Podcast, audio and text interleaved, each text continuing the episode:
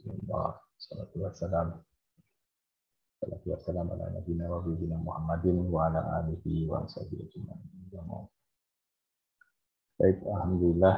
Mas Vicky, terima kasih teman-teman semuanya yang telah hadir bersamai launching buku. Ya, ini acara dibuat-buat aja sebenarnya karena yang penting bagi saya itu adalah gagasan itu sudah sempat ditulis dan launching itu ya ini cara supaya kita bisa ketemu saja. Saya Mas Vicky dan juga dengan teman-teman yang lain. Makanya perlu juga disyukuri karena Allah ternyata mengizinkan kita bisa ketemu bertatap muka meskipun lewat media Zoom tapi ini tetap sebuah tatap muka. Bukan sekedar tatap muka mungkin bahkan ini mungkin cara kita untuk menguatkan ide kita, gagasan kita. Dan kalau saya ditanya ekspresi apa yang harus dikedepankan. Oke, saya dikit ya. Baik. Ekspresi apa yang harus dikedepankan kalau ditanya pada hari ini, saya kira ekspresi bahagia, syukur, gembira, senang, dan semacamnya. Ekspresi yang lain ada, tetapi saya memilih ekspresi gembira, syukur, bahagia, dan semacamnya itu yang rasanya perlu dikedepankan dalam tema launching dan seperti judulnya tasyakuran penerbitan buku saya kadang merasa menerbitkan menulis buku dan berhasil menerbitkan tentu dengan kerja sama banyak orang itu seperti saya belum pernah melahirkan ya tapi seperti mungkin melahirkan anak seperti saya sedang melahirkan gagasan. Mungkin ada capek mungkin ada lelah mungkin ada kecewa mungkin ada pertanyaan kok begini kok begitu? Mungkin semacam itulah para ibu kalau selesai melahirkan Mungkin juga ada rasa malu, mungkin ada rasa khawatir, mungkin ada rasa kecewa, mungkin ada macam-macam. Mungkin juga ada rasa marah, mungkin rasa putus asa dan Nah, sekian banyak rasa itu kalau menurut saya sih yang harus dikedepankan, diekspresikan di malam ini ya bahagia, gembira. Ala kulihal, atas apa pun itu, rasanya ekspresi yang harus ditampilkan adalah rasa bahagia, gembira, Nah, kalau saya ditanya kenapa yang dikedepankan adalah rasa bahagia, gembira, bukan rasa-rasa yang lain, bukan ekspresi-ekspresi yang lain. Saya mencatat untuk kasus buku ini ada tiga hal. Pertama, karena saya berhasil menerbitkan satu gagasan. Mengikat sebuah gagasan, mencoba menuliskannya secara runtut, mencoba membingkainya dalam jumlah baik atau jumlah karakter yang relatif sama sehingga itu mungkin nyaman bagi pembaca dari satu judul ke judul.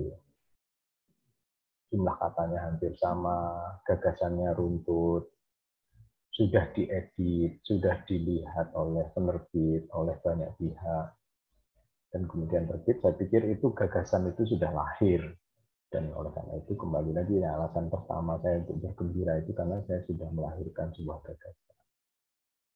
Kalau saya ulang-ulang bahwa yang, yang saya kedepankan rasa ekspresi. Tentu ada kekhawatiran, ada rasa malu, mungkin juga ah cuma karya kayak begini, gagasan cuma kayak begini saja ditulis. Tapi saya mencoba untuk memundurkan sekian banyak rasa itu lalu mengedepankan rasa bahagia. Alasan pertama karena saya sudah melahirkan sebuah gagasan. Enggak takut salah Pak, justru itu sebenarnya takut salah, tapi sudahlah, itu sudah ditulis, nanti bisa diselesaikan dengan tulisan lain, entah tulisan saya atau tulisan orang lain, atau hal yang kurang tepat, salah, kurang pas, dan sebagainya. Kemudian yang kedua, kenapa saya mengedepankan rasa bahagia? Yang alasan kedua, karena saya bersama anak-anak muda kembali bekerja sama dengan anak muda Mas Vicky dan teman-teman. saya secara di sisi kehidupan yang lain saya mungkin banyak bertemu dengan para senior bekerja dengan para orang dewasa orang yang lebih senior dari saya dan seterusnya di sisi kehidupan yang ini saya banyak bekerja dengan anak muda bekerja sama dengan anak muda bukan sesuatu yang mudah bekerja sama dengan anak muda ada gap ada jarak umur jarak budaya sejarah mungkin juga akan berbeda, punya perbedaan yang banyak. Tapi saya harus mengedepankan rasa bahagia. Faktanya saya berhasil. Ala kulihal, dengan berbagai macam catatan, saya berhasil mengerjasamakan sesuatu dengan anak muda. Mengerjakan sesuatu dengan anak yang berbeda generasi. Ya, Mas Tuki, Mas Halim, dan teman-teman lain di Gaza. Ini saya kira alasan kedua mengapa kemudian saya lebih mengedepankan perasaan bahagia, gembira. Bukan berarti saya tidak suka bekerja sama dengan uh, segmen usia yang lain, tetapi dalam konteks penerbitan buku ini, ini alasan kedua saya, saya bekerja sama dengan anak muda. Alasan ketiga dan alasan terakhir itu adalah saya bekerja sama dengan anak biologi saya untuk sebuah gagasan dan anak muda. Saya pikir ini sebuah kebahagiaan khas orang tua mungkin ya. Ini cerminan dari rasa terpendam di balik psikologis saya. Ini cerita psikologis yang terpendam mungkin. Saya merasa bahagia bisa menuliskan gagasan bersama dengan anak saya, anak biologis menyampaikan sebuah ide dengan itu sesuatu yang membahagiakan dan menjadi alasan yang ketiga alasan terakhir untuk mengedepankan rasa bahagia. Walaupun ini bukan kerjasama pertama dengan anak muda dan anak biologis. Mas Vicky sudah memfasilitasi saya menerbitkan satu e-book berjudul Membaca itu Menulis. Dan di buku itu ilustratornya salah satunya adalah anak saya yang lain. Nah kali ini saya bersama dengan Mbak Fauzia yang memiliki kapasitas untuk untuk berpikir tentang syariah dan seterusnya dan saya diizinkan oleh Allah Subhanahu wa taala untuk mengerjasamakan. Sebenarnya saya juga sudah mengundang dia untuk ikut hadir di sini. Mungkin induk ini saya biasanya manggil Mbak Iya, Mbak I Indo ini mungkin segenerasi dengan teman-teman saya di Gaza. Abi. Jadi teman-teman semuanya kalau ditanya apa perasaan saya di antara sekian banyak perasaan, sekian banyak ekspresi dari penerbitan buku, ekspresinya bukan ekspresi yang tunggal ketika menerbitkan. Dari buku pertama saya sampai sekarang, ekspresinya tidak pernah tunggal tetapi ketika dalam bentuk launching, kurang, saat-saat awal, saya itu selalu mengedepankan perasaan bahagia dengan tiga alasan tadi. Saya berhasil menuliskan sebuah gagasan, apa pun itu gagasannya, berapapun nilai gagasan itu di hadapan pembaca, tapi saya faktanya sudah diizinkan Allah untuk menuliskan gagasan ini. Mengikatnya menjadi sebuah gagasan yang itu runtut dan layak di, sudah diedit dan layak diterbitkan setidaknya oleh orang lain. Kedua, saya berhasil bekerja sama dengan anak muda. Saya pikir ini jembatan sejarah, jembatan perjuangan yang penting bahwa saya bisa bekerja sama dengan anak muda. Dan yang ketiga adalah bahwa yang membahagiakan itu adalah saya bisa bekerja sama dengan anak ideologi saya. Anak kandung saya menuliskan sebuah gagasan bersama, menyampaikan sebuah ide bersama dalam sebuah buku dengan anak sulung saya ini itu sesuatu yang menurut saya menjadi salah satu alasan mengapa saya mengedepankan rasa bahagia, gembira, syukur dan menjadi judul dari acara kita Masyakuran. Nah kalau tentang ide gagasan buku ini saya sudah berkali-kali juga mungkin menuliskan dan untuk launching buku ini saya juga sudah menuliskan di halaman Facebook saya bahwa kita ada di pinggiran zaman. pandemi COVID dan pandeminya itu hanya menjadikan fakta, menjadikan kenyataan bahwa kita di pinggiran zaman itu lebih nyata dan lebih cepat. Kita sebenarnya memang sudah di pinggiran zaman. Pandemi dan COVID, COVID dan pandeminya, itu hanya menjadikannya lebih nyata dan lebih datang lebih cepat. Gaya belanja, gaya baca, gaya belajar, gaya bekerja dan semuanya itu banyak berubah. Kita memang ada di pinggiran sana. Gejalanya sudah ada dari dulu, sudah sebenarnya berjalan lama, perlahan, tapi kemudian pandemi dan COVID, COVID dan pandeminya itu kemudian mempercepat, lebih jadi datang lebih cepat datang lebih nyata perubahan. Gejalanya sudah ada. Perubahan komoditas menjadi salah satu yang selalu mengubah wajah dunia. Ketika komoditas penting di peradaban bangsa-bangsa adalah rempah-rempah, maka Nusantara kita ini menjadi rebutan dari bangsa timur dan bangsa barat. Ketika bangsa timur melemah, kemudian bangsa barat menguat, maka kolonialisasi, penjajahan, perebutan rempah-rempah itu menjadi fakta bagi negeri ini. Karena negeri ini penghasil rempah-rempah, tapi komoditi rempah-rempah kan tidak selamanya. Kemudian komoditi yang berikutnya adalah komoditi minyak. Minyak datang menjadi komoditas baru yang membuat rempah-rempah ditinggal. Rempah-rempah tidak lagi berharga. Yang kemudian lebih berharga adalah minyak gas, tambang, dan seterusnya. Maka dunia pun berubah lagi. Arab menjadi negara-negara tersendiri, Nusantara menjadi negara yang bersatu, dan seterusnya. Fenomena itu menarik sekali. Nah hari ini kita ada di pinggiran zaman. Sebentar lagi komoditas minyak, minyak gas itu bukan lagi menjadi komoditas yang Eh, sangat penting. Mungkin masih penting, tapi tidak menjadi sesuatu yang sangat penting. Sebagaimana rempah-rempah tidak menjadi hilang, tapi dia bukan menjadi komoditas. Saya melihat perubahan dari komoditas yang penting dari bank dari masa ke masa itu selalu mengubah peta dunia. Dan hari ini COVID dan pandemi hanya mempercepat, hanya memper, lebih mempercepat, hanya lebih memperjelas bahwa kita sedang ada di tepian zaman dan tepian zaman itu pasti akan mengubah semuanya, termasuk manusianya. Dan karena itu berkaitan dengan manusia, maka aktivitas paling penting di dalam kehidupan manusia kan dakwah.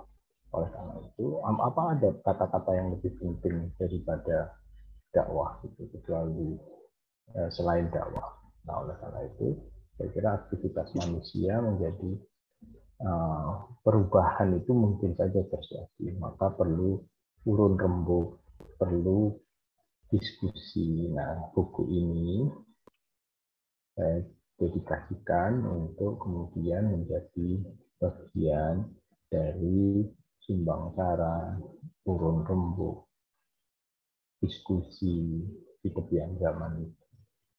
Terutama pada aspek dakwahnya dan terutama pada aspek tarbiyahnya. Yang saya ulang-ulang di dalam buku ini adalah bahwa tarbiyah, gagasan, dakwah yang diusung oleh ide-ide tarbiyah itu bukanlah nama kelompok, bukanlah identitas kelompok, bukanlah rutinitas, bukanlah sesuatu yang berjalan rutinitas. Dia bukan nama kelompok. Ada dua hal yang kenapa kemudian mendekatkan tarbiyah ini menjadi sebuah identifikasi kelompok. Pertama, keinginan para aktivitasnya untuk eksklusif. Malah senang kalau disebut ini identitas kelompok. Padahal ide awalnya terbiasa bukan ide pembuatan kelompok. Justru dia menjadi perekat, justru dia menjadi penghubung di antara banyak elemen dakwah. Tapi dorongan, kebiasaan, keinginan untuk eksklusif itu menjadikan dia mereka nyaman disebut sebagai disandari, dilekatkan pada kelompok. Itu alasan pertama. Alasan kedua itu ada kesembronoan publik. Publik memang terlalu mudah untuk mengidentifikasi sesuatu itu malas mengunyah-unyah gagasan. Pokoknya gampangnya ini siapa, bukan apanya, tapi siapanya. Nah, karena paduan antara rasa eksklusif, kebiasaan untuk eksklusif, keinginan untuk eksklusif, kebutuhan untuk eksklusif, ditambah kemalasan publik, kesembronoan publik, jadilah bahwa dakwah ini selalu hampir selalu kemudian terseret ke identitas kelompok. Bukan apa gagasannya, tetapi kemudian menjadi identitas kelompok. Siapa siapa ini siapa? Itu ini gagasan siapa dan seterusnya. Kalau kalau kemudian anda sepakati bahwa uh, dua hal itu eksklusivisme dan kesembronoan publik itu terjadi maka bayangkan betapa sulitnya para aktivis dakwah itu untuk menjadi para penjunjung fikroh, para penjunjung gagasan, para pembawa gagasan, para pembawa ide, para penjajah gagasan, para penjajah ide. Sulit karena memang ada keinginan, kebiasaan, kebutuhan untuk eksklusif ditambah publiknya malas, publiknya sembrono, lebih gampang mengidentifikasi kelompok daripada sebuah gagasan. Jadilah dakwah ini menjadi lebih ke identitas kelompok. Yang kedua, kemudian dakwah ini menjadi sebuah rutinitas. Tarbiyah itu menjadi sebuah rutinitas, bukan sebagai sebuah uh, ide, bukan sebagai sebuah gagasan, bukan sebagai pembawa menjadi perekat, tapi kemudian menjadi satu identitas baru, kelompok baru, gagasan baru, atau pecah lagi dan seterusnya. Nah, saya kira di di era ke depan, di era lemahnya nation state, nation state sedang ditantang, demokrasi sedang diuji, demokratisasi sedang diuji, sedang dites, tata kelola kita semua sedang dites. Nation state, negara bangsa, persatuan, permainannya, pengelompokannya juga sedang diuji besar-besaran godaannya luar biasa besar. Negara-negara itu sedang sedang terus harus mengkaji, membaca, memenuhi kebutuhannya, membayangkan masa depannya, membayangkan uh, keberlangsungannya dan seterusnya itu. Faktor manusia yang paling diserang dan saya melihat sih faktor manusia itu kalau sudah bicara faktor manusia ya bukan semata-mata faktor ekonomi, sosial, pandemi COVID ini saya tidak melihat ya itu permukaannya saja kalau mengubah gaya belanja, gaya belajar, gaya style, gaya pertemuan, gaya bekerja dan seterusnya itu permukaan saja. Tapi lebih dari itu ini mengubah manusia, bisa mengubah gagasan menjadi manusia, bisa sangat menguji, bisa Nah karena itu saya pikir kita perlu urun rembuk. Saya sampaikan saja tulisan tentang tiga dunia dakwah bagaimana dakwah ini kita bisa di, tidak para aktivis dakwah bisa melihat mana sih sebenarnya yang tidak harus tetap, mana sih yang bisa berubah, mana sih yang harus diubah, apa sih uh, uh, mengerti kebutuhan, mengerti membayangkan need future-nya, ngerti masa depan itu kayak apa sih, ngerti tantangannya dan seterusnya. Nah oleh karena itu saya tulis buku ini di kekinian dakwah judulnya di pembukaannya di halaman 3 Romawi saya bacakan saja ya. Tarbiyah sejak awalnya tidak tidaklah dimaksudkan untuk menjadi identitas kelompok dan golongan. Dan ini saya ulang-ulang berkali-kali. Tarbiyah dimaksudkan untuk mencetak dan mendidik kader dakwah yang berpikir kolaboratif. Kolaboratif ya. Sebenarnya dicetak, dididik untuk membuat iklim kolaborasi, bukan iklim kompetisi semata, bukan iklim bersaing semata, tapi kolaboratif dan bertindak sebagai perekat umat. Kalau identitas ini, identitas kelompok nggak bisa dihindarkan, tapi yang awalnya tidak dimaksudkan untuk menjadi identitas kelompok dan golongan. Tetapi kalau tarbiyah dibingkai dengan pikiran dan cara struktural semata, maka ada potensi berubahnya pikiran-pikiran awal itu.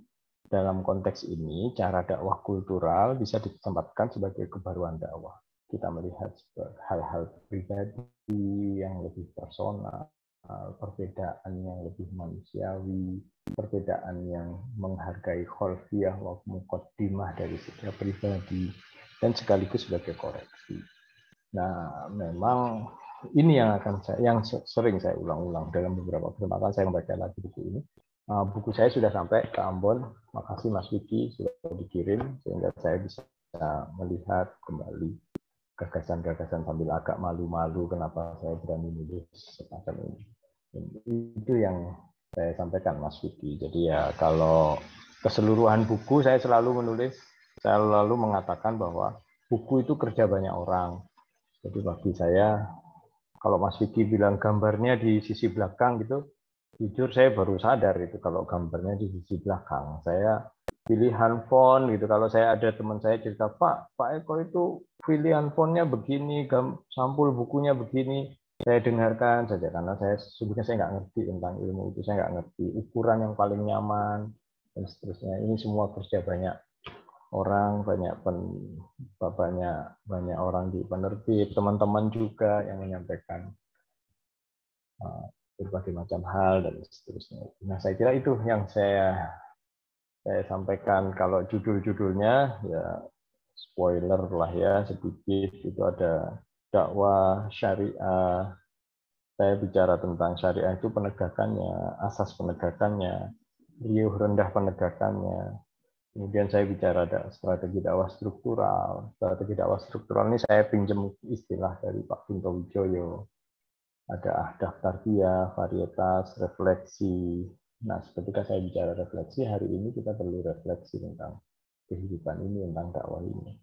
Perubahan, penjinjing gagasan. Saya ingin kita itu tarbiyah sebagai menghasilkan orang yang penjinjing gagasan, penjajah ide, Kemudian kita juga perlu adaptasi dan terakhir beberapa catatan akhir.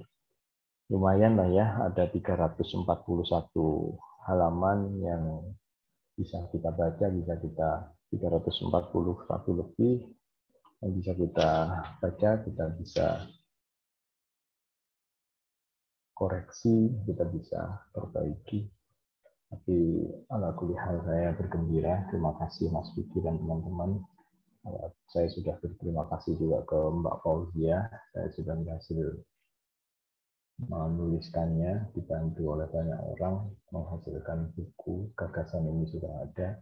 Nanti tinggal kita memperbaiki terus siapa pun di antara kita yang hadir maupun yang tidak hadir di sini untuk bisa memperbaiki gagasan-gagasan yang ada. Karena itu kembali ke kalimat-kalimat awal saya, ekspresi saya, ekspresi bahagia, bersyukur, bergembira, berbahagia. Alhamdulillah. Kasih. Jazakallah khairan. Assalamualaikum warahmatullahi wabarakatuh.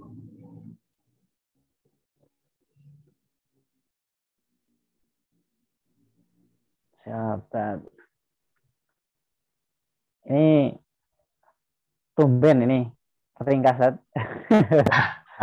Iya, saya sudah dipesan nih Mas Vicky dan saya perhatikan baik-baik untuk ringkas saja dengan ringan saja.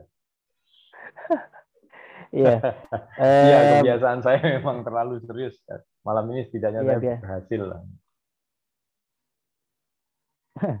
ya, uh, demikian teman teman-teman semua apa yang telah disampaikan oleh saat Ekonovianto. Jadi uh, mungkin kalau teman-teman yang masih penasaran, masih bingung sebenarnya yang dimaksud di kekinian dakwah itu sebenarnya apa begitu. Tapi tadi dari yang mungkin saya ringkas sedikit dari apa yang jadi apa yang telah disampaikan atau Eko tadi secara ringkas saya ringkas lagi gitu, dalam beberapa kalimat. Uh, yang uh, salah satu yang disebut di kekinian dakwah atau kebaruan dakwah itu adalah berkaitan dengan cara dakwah uh, kultural begitu tadi. Tadi kalau Pak Eko uh, menyinggung satu bab cara dakwah struktural nah, di apa bagian dari kebaruan atau di kekinian dakwah di buku ini adalah berkaitan dengan cara dakwah kultural yaitu, yaitu untuk e, menanggapi atau merespon gitu ya situasi-situasi perubahan-perubahan zaman ya perubahan-perubahan di kehidupan di dalam e, diri manusia maupun e, lingkungan eksternal begitu. Nah itu barangkali yang bisa saya ringkas dari apa yang tadi Mas Teko sampaikan. Nah, berkaitan dengan cara-cara dakwah struktural, dakwah kultural itu seperti apa nanti? Itu mungkin nanti bisa jadi bahan diskusi kita kali ini. Nah, silakan mungkin bagi uh, sahabat semua yang ingin me, mem, bertanya ya, barangkali bertanya. Mungkin kalau yang sudah pegang bukunya dan bingung, silakan boleh bertanya. Tapi kalau barangkali yang belum pegang bukunya kan jadi masih mungkin masih terngiang-ngiang ya terkatung-katung ini cara dakwah kultural ini sebenarnya seperti apa gitu dan pelaksanaannya seperti apa. Nah, silakan nanti teman-teman boleh bertanya gitu. Saya berikan kesempatan silakan boleh uh, bisa raise hand dulu nanti langsung boleh buka kamera dan mic atau open mic juga boleh atau kalau misalnya seandainya sinyalnya terganggu uh, boleh juga dengan melalui chat gitu. Silakan. Dipersilakan.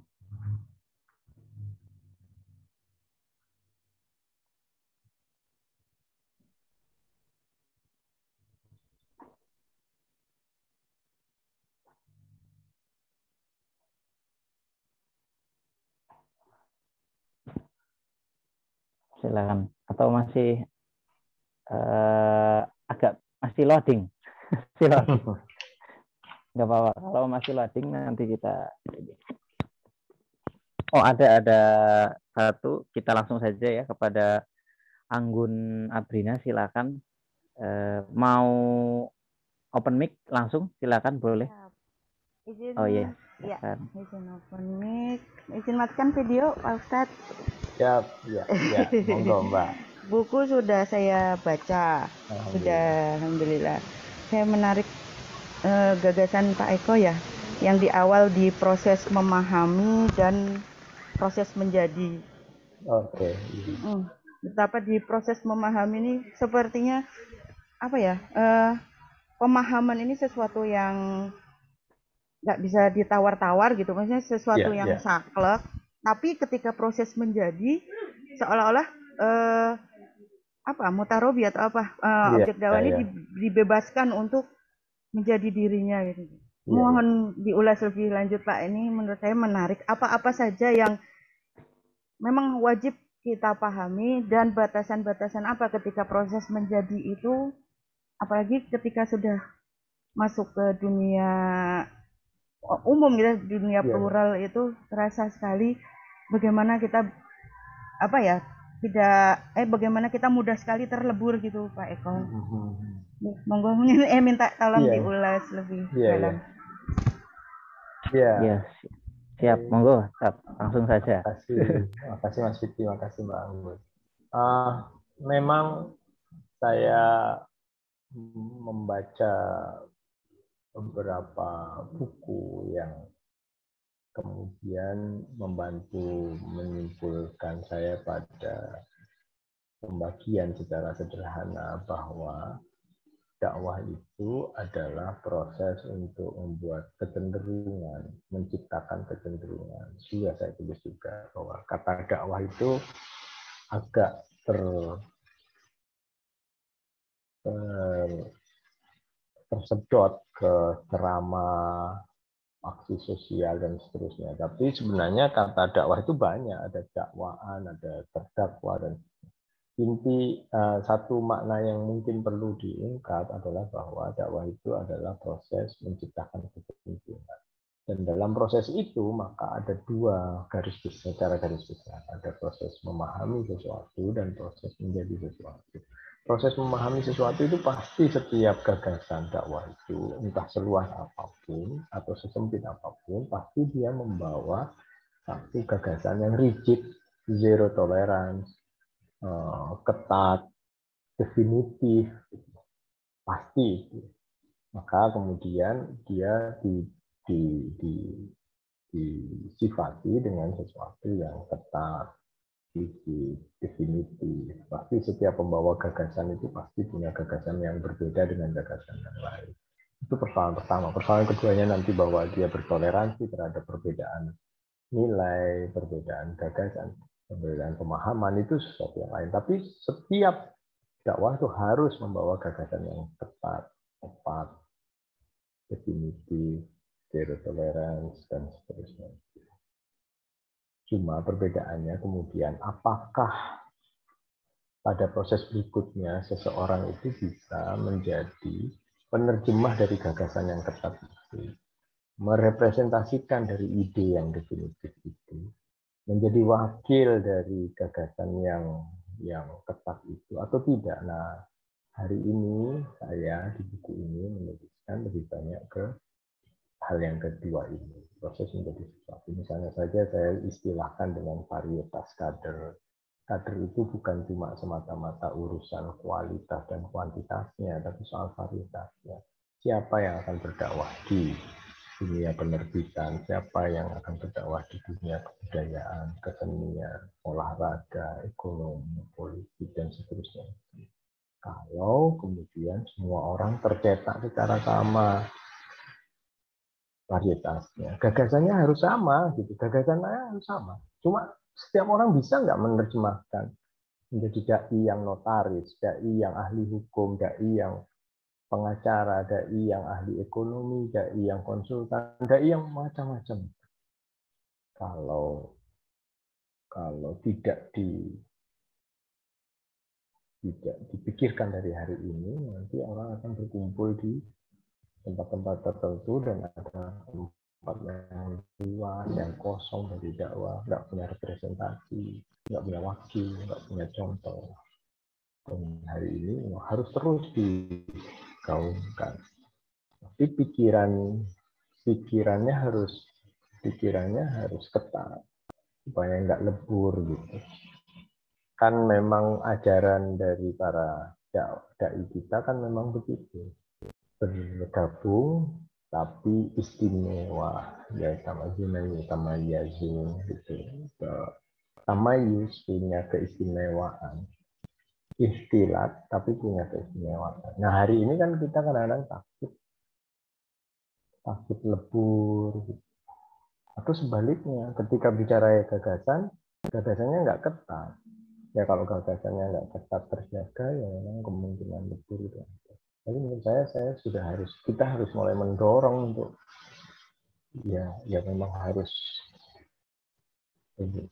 ya harus berbaur membangun keistimewaan itu. Nah itu kira-kira Mbak Anggun. Jadi ya ini bukan gagasan baru, tapi sedang saya konstruksikan baru ada proses menjadi memahami dan proses menjadi sesuatu proses memahaminya itu harus ketat, proses menjadi sesuatunya itu nggak bisa setiap orang di diseragamkan. Bukankah kalimat-kalimat maaf bagus sofi dari sutib adam wahidatan nggak bisa mencipta satu satu soft after soft itu satu penciptaan satu soft umat Islam itu satu soft itu bukan berarti tip akan wahidatan berarti mencetak kadernya sama semua bukan. Nah karena itu saya di buku ini juga menulis. Yang penting itu militan yang penting, tapi ekspresinya bebas lah ekspresi militannya. Ekspresi militan kayak Mas Vicky yang pakai peci dan ekspresi militan yang kayak saya itu kan nggak bisa dihitung mana yang lebih militan. Ekspresinya boleh beda tapi gagasannya eh, profesinya bisa beda-beda kerjaannya bisa beda-beda, karyanya bisa beda-beda, tetapi gagasannya Kira-kira itu keinginan saya yang saya sudah tuangkan di situ. Makasih Mbak Anggi.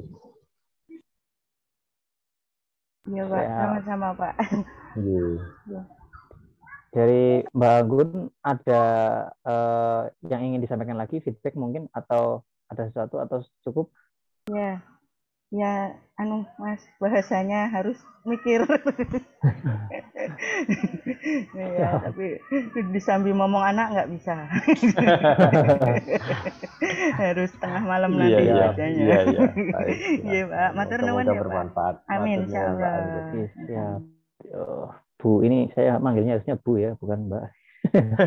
Oke, siap. Lanjut, ini sebelum ke Rian Amani yang setelah raise hand, kita ke pertanyaan di chat uh, dulu ya. Oh ya, ada ini chat ya. ada kayaknya tadi ini dulu. di chatting itu ada pertanyaan dari Yuga atas nama Yugana Firda Suari. Uh, saya bacakan ya, Ustaz. Kadang kita terlalu disibukkan dengan agenda-agenda struktural sehingga kegiatan kultural yang penting untuk kehidupan pasca kampus ini tidak menjadi habit atau kebiasaan jika tidak ada arahan. Bagaimana Ustadz menanggapi fenomena ini? Nah, mungkin ini kayaknya ini uh, anak kampus ini ya kelihatan. Anak kampus ya. iya, iya. Jadi terlalu sibuk dengan uh, agenda-agenda kampus struktural, tapi agenda kultural yang berhubungan dengan kepakaran, keberminatan uh, itu seolah-olah agak terabaikan ya. Uh, terabaikan, mungkin begitu pertanyaannya. Ya, yang dibutuhkan keberanian saja, karena memang dakwah itu bukan untuk hari ini saja, tapi untuk ke depan. Nggak ada jaminan, nggak ada ke, nggak ada nggak ada jaminan lah ya, nggak ada jaminan bahwa ya, kita akan hidup bersama-sama terus. Nggak bisa, nggak bisa ada ada masanya bahkan mungkin kita harus sendiri. Kalau saya itu membayangkan kekaguman saya kepada para sahabat yang datang ke Madinah. Mungkin kalau sahabat itu kira-kira ya senangnya di Madinah kumpul-kumpul kegiatan struktural geruda-geruduk gitu ya. Tapi ternyata Rasulullah enggak cuma membekali kemudian diminta pulang ke kampungnya untuk berdakwah. Kampungnya gitu secara yang dia pahami, dia bertumbuh berkembang. Sahabat-sahabat juga mungkin juga contoh betapa mereka itu pribadi yang berani merdeka untuk menjadi dirinya sehingga nggak semuanya jadi politisi, menjadi khilafah, gubernur. Ada yang sampai akhir hayatnya pun nggak jadi apa-apa, dalam tanda petik nggak jadi apa-apa. Ada yang dikasih jabatan, ada yang bahkan sahabat yang disinyal, dapat sinyalemen bahwa tidak akan dapat jabatan. Karena memang karakternya sendiri-sendiri, tapi semua bahagia. Semua menjadi pihak, menjadi pribadi-pribadi yang keren. Gitu. Nah, makanya oleh karena itu saya pikir kita harus punya keberanian karena nggak ada jaminan kita akan selalu bersama-sama. Kecuali memang nanti akan menjadi aktivis dakwah struktural yang memang akan itu sudah cirinya kalau di halaman 56 itu kan saya kalau bilang strategi dakwah kultural itu sifatnya kolektif. Sementara kalau strategi dakwah kultural itu personal individu. Nah oleh karena itu ya cuman nggak ada jaminan kita akan bisa kolektif terus. Kecuali ya, kecuali ini kan kebebasan individual memilih peran di bidang mana. Kecuali Mbak yang bertanya atau semua kita itu memang akan terjun di dakwah struktural. Nah itu memang harus kolektif, nggak ada strategi struktural itu sendiri-sendiri di halaman 56 buku ini saya coba tampilkan setelah saya membahas strategi struktural, strategi kultural, strategi mobilitas sosial. Itu saya menampilkan dalam bentuk tabel. Ini bukan nama-nama yang asing ya. Ini sebenarnya Pak Kunto Wijoyo sudah menuliskan. Saya mengutip dari Pak Kunto Wijoyo dakwah struktural, dakwah kultural, bahwa mobilitas sosial itu sesuatu yang secara ilmiah sudah dikenalkan oleh setidaknya Pak Kunto Wijoyo. Mungkin ada lebih. Memang kecuali mau kolektif, tapi saya selalu mengatakan bahwa nggak ada jaminan kita bisa bekerja di dalam medan-medan yang bisa kolektif itu. Pada saatnya harus ada yang lebih kerja-kerja yang lebih personal, kerja-kerja yang lebih individual, yang lebih menjamin gagasan itu ada. Nah pilihannya di Mbak Penanya atau kita semua lah. Cuma nggak ada jaminan kita bisa selalu bekerja di medan-medan strategi struktural. Karena itu menurut saya sih perlu ada keberanian, kejujuran melihat ke dalam diri kita. Bukan salahnya dakwah strategi strategi struktural gitu. Salah kita yang kita tidak berani melihat sebenarnya kita akan menjadi apa, bekerja di bidang apa, menjadi sesuatunya tadi yang ditanya Mbak Anggun. Karena itu memang perlu kejujuran melihat. Diri, melihat potensi, melihat mukotimah, pendahuluan kita, kholfiyah, latar belakang kita. Kan kita selalu berangkat. Saya itu suka dengan kalimat Al-Quran yang mengatakan kholkon akhor, penciptaan yang lain. Manusia kan nggak mungkin. Kalau fisiknya sama, pasti ada lekuk jiwanya yang berbeda. Kalau sifatnya sama, mungkin ada kecenderungan yang berbeda, dan seterusnya. Menjadi satu yang khas, dan itu butuh keberanian. Itu kira-kira. Terima kasih.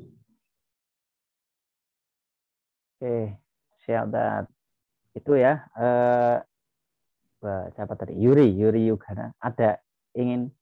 Oh, siap. Sudah hari itu ya, Mbak Yuri. Jadi harus berani, harus berani untuk menggali kesadaran potensi dirinya. Ya. Terus eh, kita lanjut ke pertanyaan berikutnya tadi eh, yang raise hand ada Rian Amani ya. Eh, sebelum pertanyaan eh, yang lain silakan bagi Rian Rian ya. Eh, ketika apa kalau ingin bertanya silakan. Mau langsung atau gimana? Open mic boleh silakan.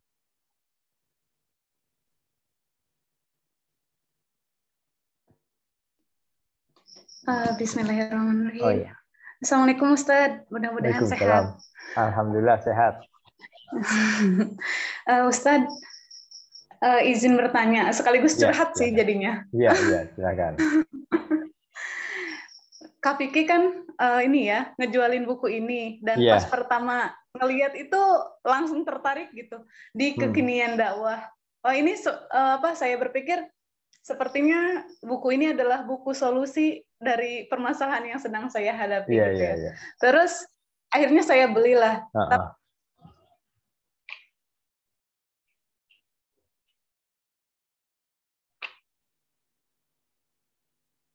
Suaranya hilang ya Mbak Mas Kiki.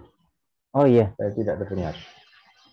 Rian suaranya sinyalnya apa ya? suaranya menghilang. Sik mana tuh Rian? Halo, halo, halo. Saya cek dulu.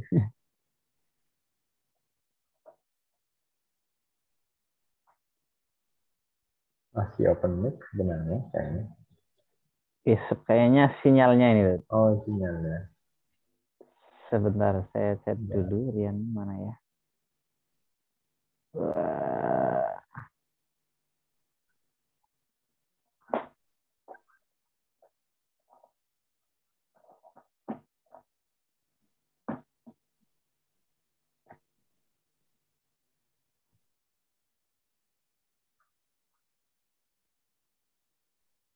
Hilang apa ya, Tat? Hilang ya. Oke, eh ini dulu mungkin eh, next dulu saja ya karena ada yang Iya, iya. ada ini nanti kalau Rian Amani sudah masuk Gabung nanti lagi ya. eh, nanti pertanyaannya lanjut. Oke, Heeh. kita lanjut dulu ke Pak Zulfan. Silakan karena sudah raise hand. Boleh kalau mau open mic, open kamera juga boleh. Monggo. Silakan. Assalamualaikum, Ustaz Ekonov. Waalaikumsalam, Mas Irfan. Ya, sehat-sehat, Pak. Alhamdulillah sehat, Mas. Ini, Tat, saya emang belum belum baca bukunya ya. Iya, Beli aja iya. belum, apalagi Nggih, baca. nggih. Nggih. Tapi gini, eh, di kekinian dakwah ya, beberapa tahun yang lalu sepertinya saya eh, melihat kita itu ada sedikit kegagalan ya. Saya lupa berapa tahun yang lalu, 10 tahun yang lalu mungkin. Eh, ketika saya masih sering isi pengajian remaja di masjid-masjid, tapi Ah. kemudian hampir semua masjid itu saya tanya gimana pengajian remaja. Zero ya. Hampir berhenti, Iya. semuanya hampir berhenti ya. Nah, sepertinya itu berlangsung beberapa tahun dan saya melihat ini kegagalan kita melihat suatu perubahan di mana kita gagal dalam me, eh, me- apa, eh, melihat perubahan itu kemudian solusinya seperti apa kita itu gagal. Ya, sampai sekarang pun pengajar remaja di masjid-masjid juga seperti itu. Nah, setelah itu kita di eh, menginjak pada eh, fenomena sekarang di mana generasi Z dan Z itu ya Hmm. yang eh, saya khawatir ketika kita juga tidak bisa memotret itu, kemudian kita gagal lagi dalam hmm. uh, dalam uh, berdakwah di era-era uh, saat ini. Nah, menurut Statiko sendiri seperti apa uh, dulu tuh kita apakah sepakat juga kita gagal gitu juga gitu. Hmm. Dan sekarang ini apakah jamaah sudah memotret itu dan me menemukan satu apa namanya apa strategi ya, strategi dakwah atau metode dakwah yang khusus untuk saat ini biar kita juga tidak mengalami kegagalan yang serupa dari hmm. dari beberapa tahun yang lalu itu. Hmm. Seperti itu Teko, matur suwun. Ya, matur nuwun Mas Irfan. Saya termasuk orang yang enggan menggunakan kata kegagalan ya. Bahkan di buku ini pun saya menyebutkan uh, kebenaran pada zamannya. Pada zamannya itu mungkin benar pengajian-pengajian remaja itu sesuatu yang tepat, sesuai dengan remaja zaman kita dulu gitu ya. Kita bisa memahami remaja-remaja itu. Justru itulah kemudian kita harus berpikir tentang apa yang uh, uh, terjadi hari ini. Saya memang enggan menggunakan nah, kita cari kebenaran lagi. Dulu itu benar dulu itu benar.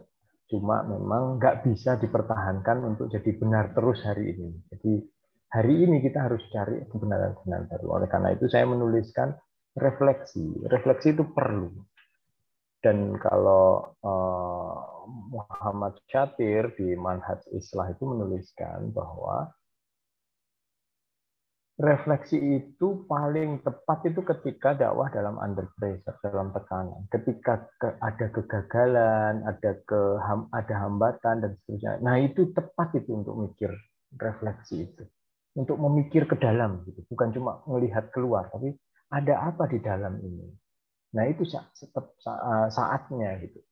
Maksud saya bahasa Jogjanya sudah under pressure sudah dalam sudah dalam posisi kalah sudah dalam bayang-bayang kegagalan sudah punya cerita pengalaman yang nggak bagus nggak reflektif juga, nggak mikir refleksi juga, merasa benar terus, nggak mencari ke dalam diri. Nah itu kebangetan gitu. Karena Khairat Satir itu menuliskan jane itu refleksi itu paling tepat itu hari. Nah saya agak mendorong kita untuk melihat merefleksikan dakwah itu dengan menulis buku ini. Melihat sisi-sisi yang mungkin kita lupa, kita abai, sehingga kita nggak terlalu menarik dakwah itu nggak menarik pasti Padahal dakwah itu aktivitas yang paling paling bermakna loh dalam pandangan Allah itu ya. Ada apa ada kalimat yang lebih baik dari kalimat dakwah misalnya. Cuma kita nggak bisa mempertahankan itu dulu kebenaran sudah sukses, oke. Okay. Tapi kemudian hari ini kita harus oleh karena itu saya mencoba menulis kalau di halaman di salah satu bab itu saya tulis khusus dengan kata refleksi, membangun nalar, pemahaman, arti penting manusia, anak-anak muda hari ini lebih lebih pengen dihargai sebagai manusia. Walaupun itu kadang-kadang cuma main-main memang apa oh, enggak per, enggak enggak di kedalaman di permukaannya. Ya kalau dulu Mas Ilvan peribahasanya itu air beriak tanda tak dalam. Kalau sekarang itu dalam tidak dalam beriak semua gitu. Dalam tidak dalam itu posting semua. Dalam tidak dalam itu semua upload semua gitu. Jadi memang agak susah membedakan ini sebenarnya yang benar mana, yang enggak benar itu mana. Jadi memang penting untuk reflektif. Dan yang terakhir yang saya ingin katakan ke Mas Zulfan dan semuanya adalah bahwa kita nggak bisa nunggu-nunggu apa arahan dari atas ke bawah. Ke, keragaman dakwah kita luar biasa. Jadi memang reflektif, lakukan dengan pemahaman yang baik, dengan ikatan dengan kohesivitas yang baik jalan tembus saja ke mana-mana gitu tanpa harus terikat pada ukuran-ukuran struktural yang harus nggak ada nih sekarang. Siapa yang bisa menetapkan panduan A sampai Z-nya? Nggak bisa lagi karena variasinya banyak sekali. Ini sangat mengandalkan pada insting tarbiyah masing-masing, pada naluri masing-masing, bertanggung jawab dewasa, nggak merasa bangga. Di halaman 77 saya juga sudah tulis dulu apa penceramah-penceramah sudah nggak boleh bangga lagi dengan berkumpulnya orang karena itu cuma sebagian dari dakwah. Aktivitas sosial nggak bisa lagi bangga, sekolah-sekolah nggak bisa lagi lagi bangga ngumpulin murid karena itu cuma sebagian saja memang harus banyak reflektif. Nah, moga-moga semakin tertekan itu semakin aktivis dakwah itu makin berpikir gitu. Kan kebangetan kalau sudah kalah, terpojok, tertekan, masih merasa nggak nggak reflektif juga gitu. Nah, karena itu ya saya saya kira memang nggak perlu lagi kita nggak terlalu perlu kita nunggu-nunggu apa detailnya gitu. Tapi mungkin memang gelondongan, gagasan, lalu menjadi menjadi sesuatunya menjadi dai-nya itu udah inovasi sendiri-sendiri. Kalau kalau nunggu ya itu tadi nanti makin banyak waktu terbuang. Kira-kira begitu mas. Sehat-sehat ya semuanya. Siap. Mas. Ah, terus Oke. Okay. Siap. Itu Mas Sulfan. Eh, saya lihat kembali masih ada Rian tidak ini? Oh, sepertinya sinyalnya menghilang ya. Menghilang ya. Oke, uh, kita tunggu aja nanti ya. Semoga bisa hadir apa gabung yeah. kembali. Uh, silakan kalau masih ada yang ingin ditanyakan, ya, boleh. Monggo. Siapa tahu masih ada. Nanti kalau sudah tidak ada baru kita akhiri. Walaupun ini sesuai jadwal kita masih ada beberapa masih ada beberapa menit sebenarnya. Yeah. Jadi silakan kalau misal ada yang ingin ditanyakan. Kalau sinyalnya yang misal sinyalnya Lola tapi masih bisa ngetik, ya boleh boleh ngetik daripada hilang itu. Silakan di kolom chat. Uh, mungkin teman-teman sudah mulai dapat ya tadi uh, apa dari pertanyaan-pertanyaan tadi bahwa ada apa namanya tentang keberanian ya keberanian untuk uh, apa me menemukan ya potensi-potensi diri agar uh, bisa apa namanya tadi berpartisipasi lah dalam kalau dalam bahasa buku ini di kebaruan dakwah atau di kekinian dakwah begitu. Enggak ada yang ingin disampaikan lagi atau ditanyakan lagi?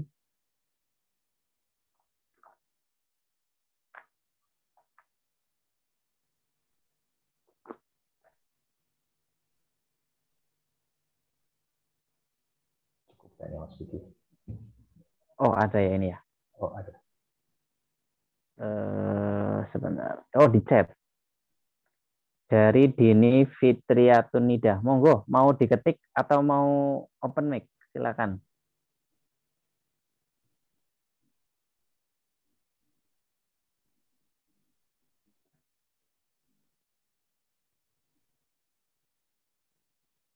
Silakan Mbak.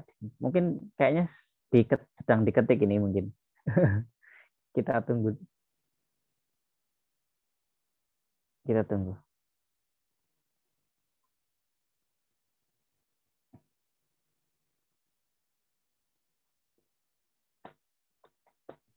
Iya, Mas Sulfan. Oke, Mas Sulfan. Ini kita tunggu dulu ya, Tat. Siapa ya, tahu ya, dari ya. Mbak Dini mungkin ya, ya. Uh, sedang mengetik. Sila, uh, bagi teman-teman yang lain juga silakan kalau misal masih ada boleh kalau sinyal tidak memungkinkan, bisa boleh diketik.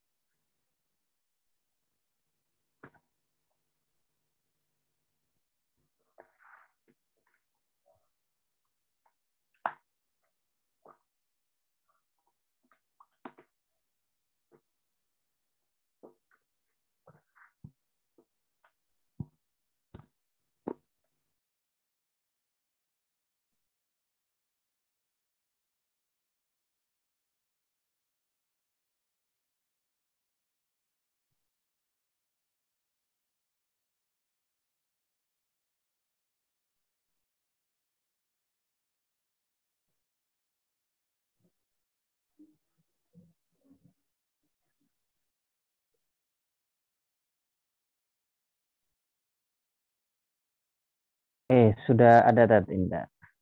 Oh iya. Uh, saya bacakan. Ustadz izin bertanya, seba eh, bagaimana sebaiknya saya dan suami bersikap terhadap mertua?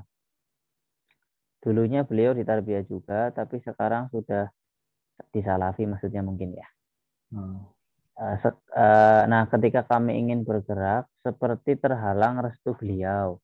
Kami hmm. jadi bingung menempatkan diri antara taat pada orang tua atau berdakwah dengan berdakwah. Oh, oh mak maksudnya orang tua suami mertua ya. Uh -uh. Ya, itu itu pertanyaannya. Baik, ya memang ini kondisi yang sulit ya, tapi ini yang bertanya Putri ya. Iya, Putri. Putri. Ya. Saya pikir uh, kuncinya itu kalau di keluarga ya laki-laki ya, karena memang laki-laki itu menjadi pemimpin. Kemudian ketika dalam ini ini konstruksi sosialnya, ini konstruksi sosialnya bahwa penanya itu perempuan dan mungkin ini pertanyaan mertua kalau kita sebut mertua maka ini berkaitan dengan orang tua dari suami.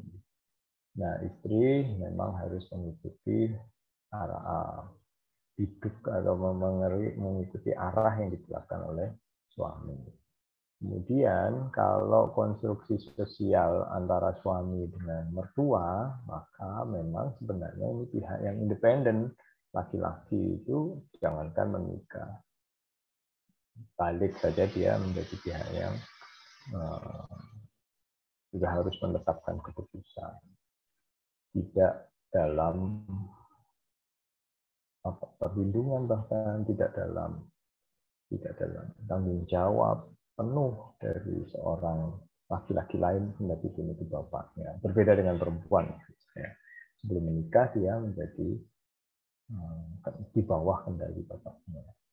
Oleh karena itu kuncinya saya kira adalah kemandirian dari keluarga, terutama kemandirian suami di hadapan mertuanya. Ini yang penting saya kira kalau saya sejak awal mengatakan ini memang sulit, tapi hal yang mempermudah itu adalah kemandirian suami, independensi suami di hadapan mertua, kemerdekaannya, kemerdekaan sosial, kemerdekaan ekonomi, kemerdekaan yang lain-lain itu oh, harus ada. Mutlak enggak, tapi setidaknya sudah ada. Semakin besar, semakin mempermudah, semakin kecil, semakin mempersulit. Nah, kalau Mbak penanya, saya kira yang penting itu mengikuti uh, kendali dari suami.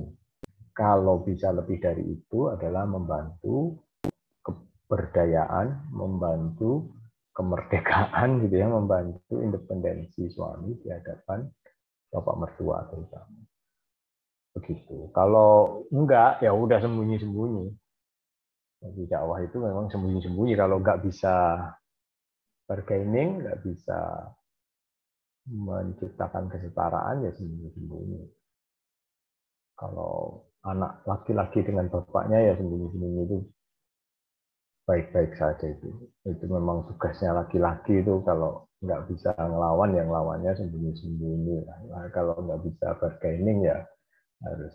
Sampai kemudian nanti kemandirian, kemerdekaan, independensi itu. Tapi bangun dulu, bangun terus bangun.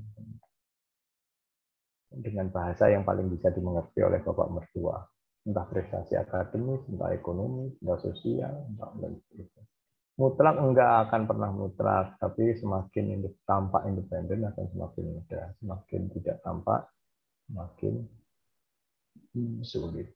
Dan saya ulangi lagi, kalau penanya ini perempuan, maka yang penting adalah mendukung, mengikuti arahan dari suami. Peta konstelasi suami dan bapaknya itu sangat dipengaruhi oleh nah, prestasi, independensi, kemerdekaan, sosial, ekonomi, dan budaya mungkin, psikologis mungkin, antara dia dengan Jadi ya tenang aja. Kalau ini penanya perempuan nggak usah risau. Anda ada di bawah tanggung jawab suami, suami yang akan mengendalikan. Moga-moga suami juga makin kuat. Seharusnya ketika menikah dia harus menjadi pihak yang independen, pihak yang merdeka. Sementara kalau penanya perempuan, ya udah dukung suami aja.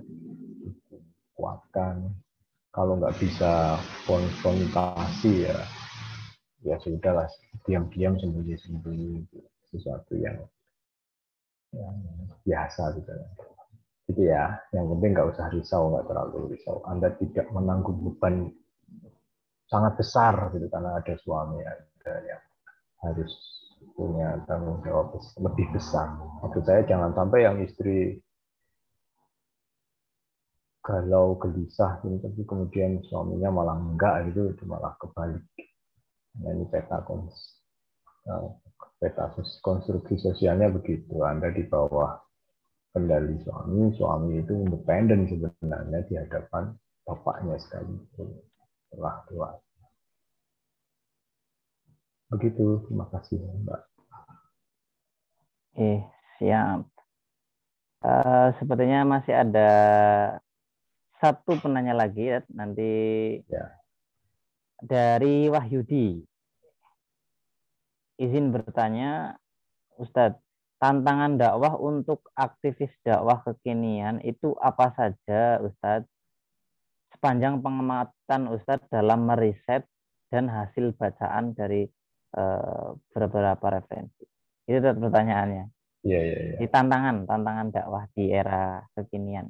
Kira-kira. Uh, Baik, ya kalau tantangan agak susah juga ya banyak ya artinya uh, banyak. Tapi yang saya malam ini ingin sampaikan kalau lebih ke sisi personalnya ya, kalau secara peta politik, peta geopolitik dan ekonomi itu iyalah itu dari dari tahun ke tahun selalu saja dakwah itu kaitannya tantangan-tantangannya itu.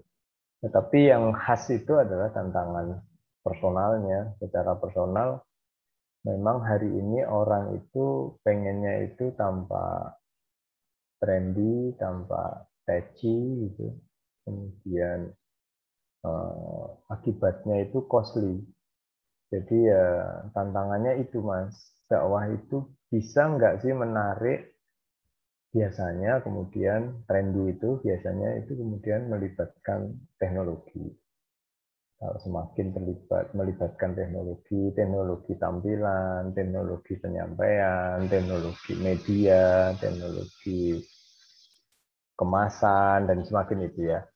Jadi yang hari ini itu yang yang tantangannya memang apa-apa yang tampak tren, viral, menarik itu biasanya melibatkan eh, teknologi. Yang saya sebut dengan teknologi itu teknologi penyampaian, teknologi teknologi uh, tampilan, teknologi uh, pengumpulan, teknologi dan semacamnya strategi.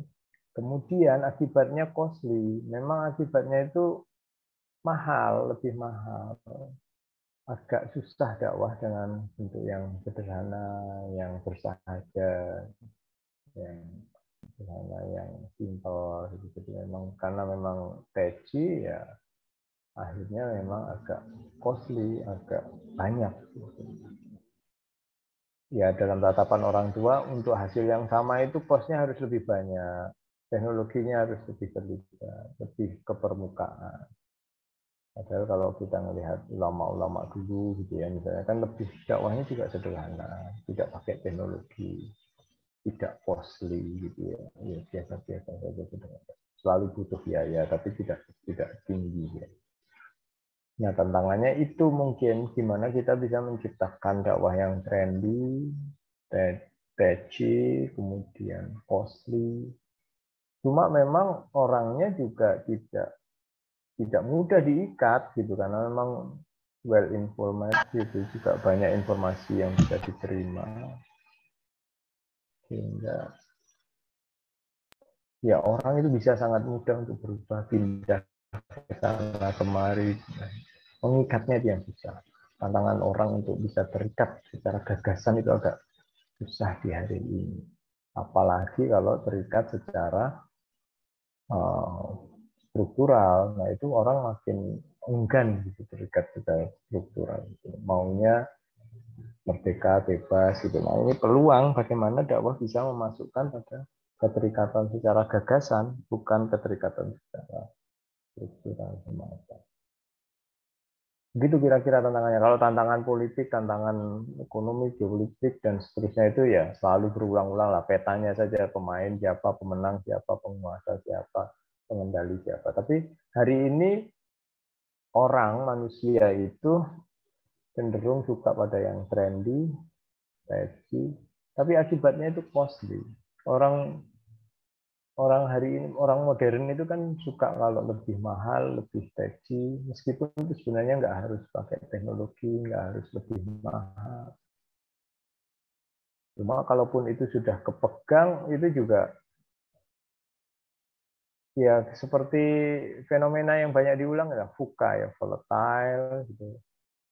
Kemudian uncertainty, ya, complexity, kemudian ambigu. Nah itu kira-kira empat itu yang sering diulang-ulang lah Mas Wahyudi. Fuka itu volatile, mudah berubah, uncertainty, tidak pasti, kemudian complexity, kompleks, masalah itu kompleks, itu nggak bisa kita uh, kerja keras betul kita untuk mengulas satu masalah itu karena itu kompleks.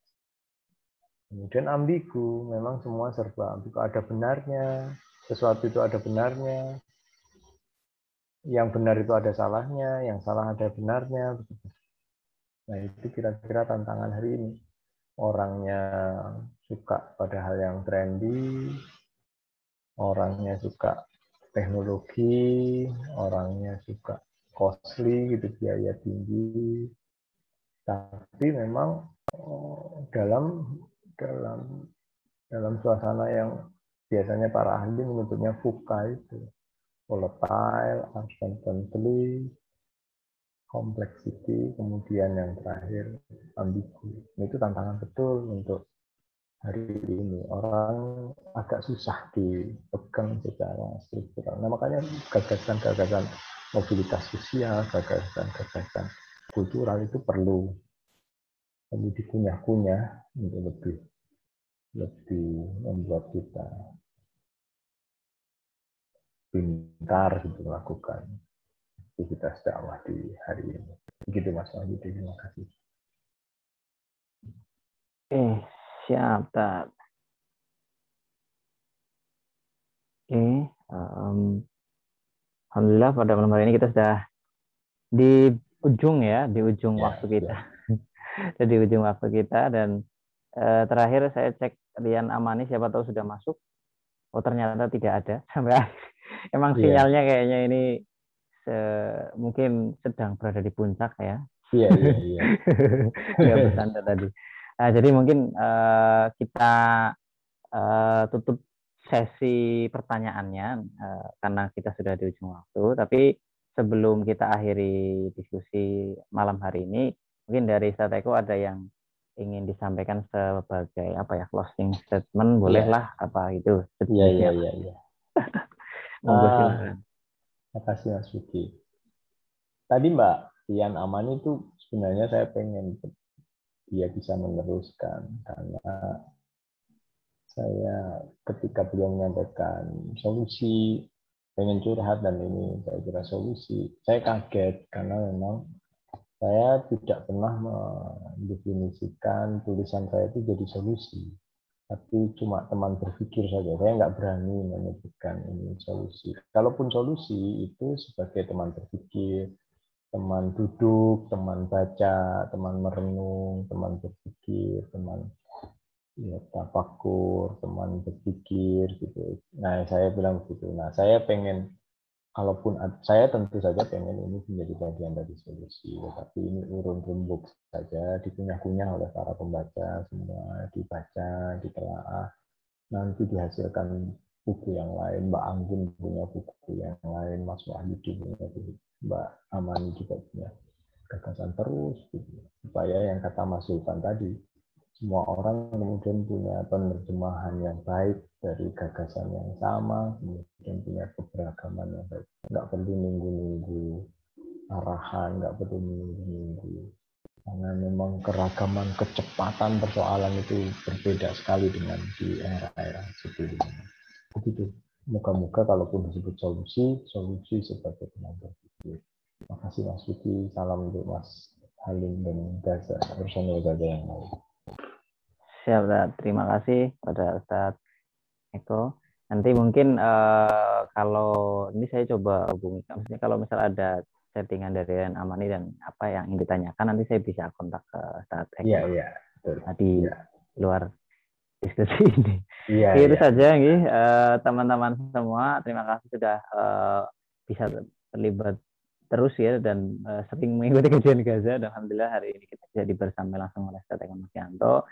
Uh, semoga apa yang telah uh, disampaikan oleh beliau bisa bermanfaat bagi kita semua dan bisa menjadi seperti apa yang beliau harapkan bisa menjadi teman berpikir, uh, bisa menjadi bagian dari refleksi kita yang kemudian dengan merefleksikan berbagai macam kondisi yang ada saat ini kita bisa segera melakukan eksekusi atau mengambil posisi ya. Kalau bahasa kata pengantar penerbit di buku ini kita bisa segera mengambil posisi uh, peran apa yang akan kita mainkan begitu ya uh, dan tidak perlu banyak ya kalau kata Pak Eko tadi tidak perlu banyak menunggu-nunggu tidak perlu nunggu-nunggu istilahnya begitu kalau uh, bisa ditentukan begitu posisinya apa dan eksekusi. Nah itu saja semoga yang bisa menjadi bermanfaat lah bagi kita semua. Mohon maaf ketika ada salah dan banyak kekurangan dari kami selaku penyelenggara dan penerbit. dan uh, apa bagi teman-teman yang ingin memesan buku, wah ini promo lagi. bagi teman-teman yeah, yang ingin memesan buku, monggo nanti bisa hubungi di admin di Gaza Library Publishing. Insya Allah masih masih dapat harga pre-order karena kita kemarin menyetak agak kita lebihkan sedikit begitu. Siapa tahu karena harapannya masih ada yang uh, ingin membaca buku itu dan mengunyah-unyah gagasan gitu kan kalau kata baik. Ya sekali lagi uh, terima kasih kami ucapkan dan uh, kita akhiri dengan doa penutup majelis ya. Subhanallah. Assalamualaikum warahmatullahi wabarakatuh. Waalaikumsalam. Matur nuwun Mas Siti, saya pamit ya. Matur nuwun Pak Eko sudah malam-malam sudah. Selamat beristirahat. Waalaikumsalam. Matur nuwun. Oke, teman-teman saya akhiri ya. Semoga rekamannya bisa saya download besok dan saya share kalau tidak ada halangan. saya akhiri. Selamat beristirahat.